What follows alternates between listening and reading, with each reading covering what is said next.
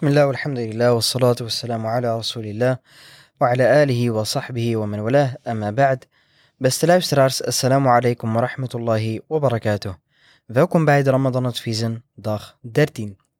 Vandaag zullen we het gaan hebben over het vasten voor de vrouw die zwanger is of borstvoeding geeft. Eerder deze maand hebben we het gehad over degene die niet hoeft te vasten.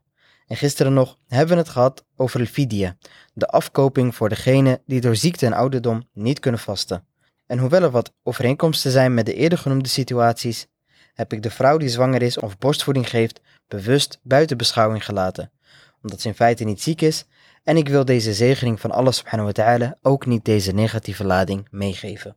Maar dat de zwangerschap een zware periode is en dat die ongemakken meebrengt, staat buiten kijf. Mogen Allah subhanahu wa ta'ala barmhartig zijn met onze moeders en hen kracht geven deze maand. Dit brengt ons op het volgende. Op het moment dat de zwangerschap namelijk te zwaar wordt en de vrouw bang is dat het vasten haar zal schaden, hoeft ze niet te vasten. En in sommige gevallen kan het zijn dat het verplicht is voor haar om niet te vasten.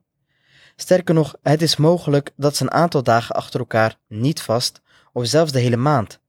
In ieder geval, als ze vermoedt en bang is dat het vasten te zwaar voor haar is en voor haarzelf schadelijk kan zijn, dan hoeft ze niet te vasten en dient ze de gemiste dagen in te halen. Als dat duidelijk is, dan de volgende situatie. Stel, ze heeft sterk het vermoeden dat het vasten schadelijk is voor haarzelf en schadelijk is voor haar kind. Ook over deze situatie zeggen we dat ze niet hoeft te vasten op dat moment en zij dient deze dagen in te halen.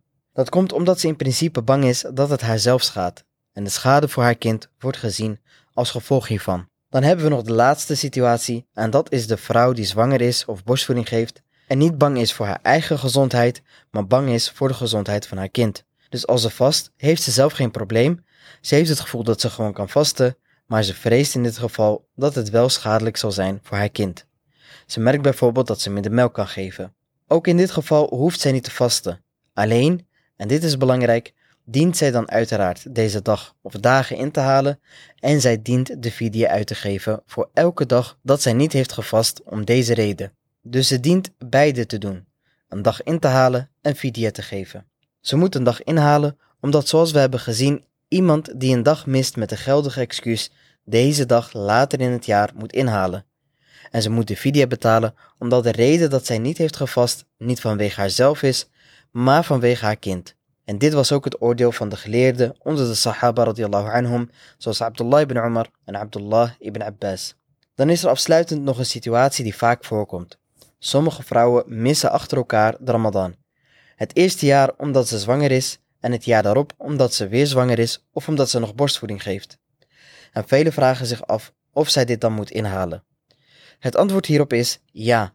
Zij dient deze gemiste dagen in te halen en ze zijn niet kwijtgescholden. Wallahu a'lam. Mogen Allah subhanahu wa ta'ala ons alle zegenen en onze vroom nageslacht geven. Wa sallallahu wa sallam wa barak ala nabina Muhammad wa ala alihi wa sahbihi ajma'in. Bedankt voor het luisteren. Wassalamu alaikum wa rahmatullahi wa barakatuh.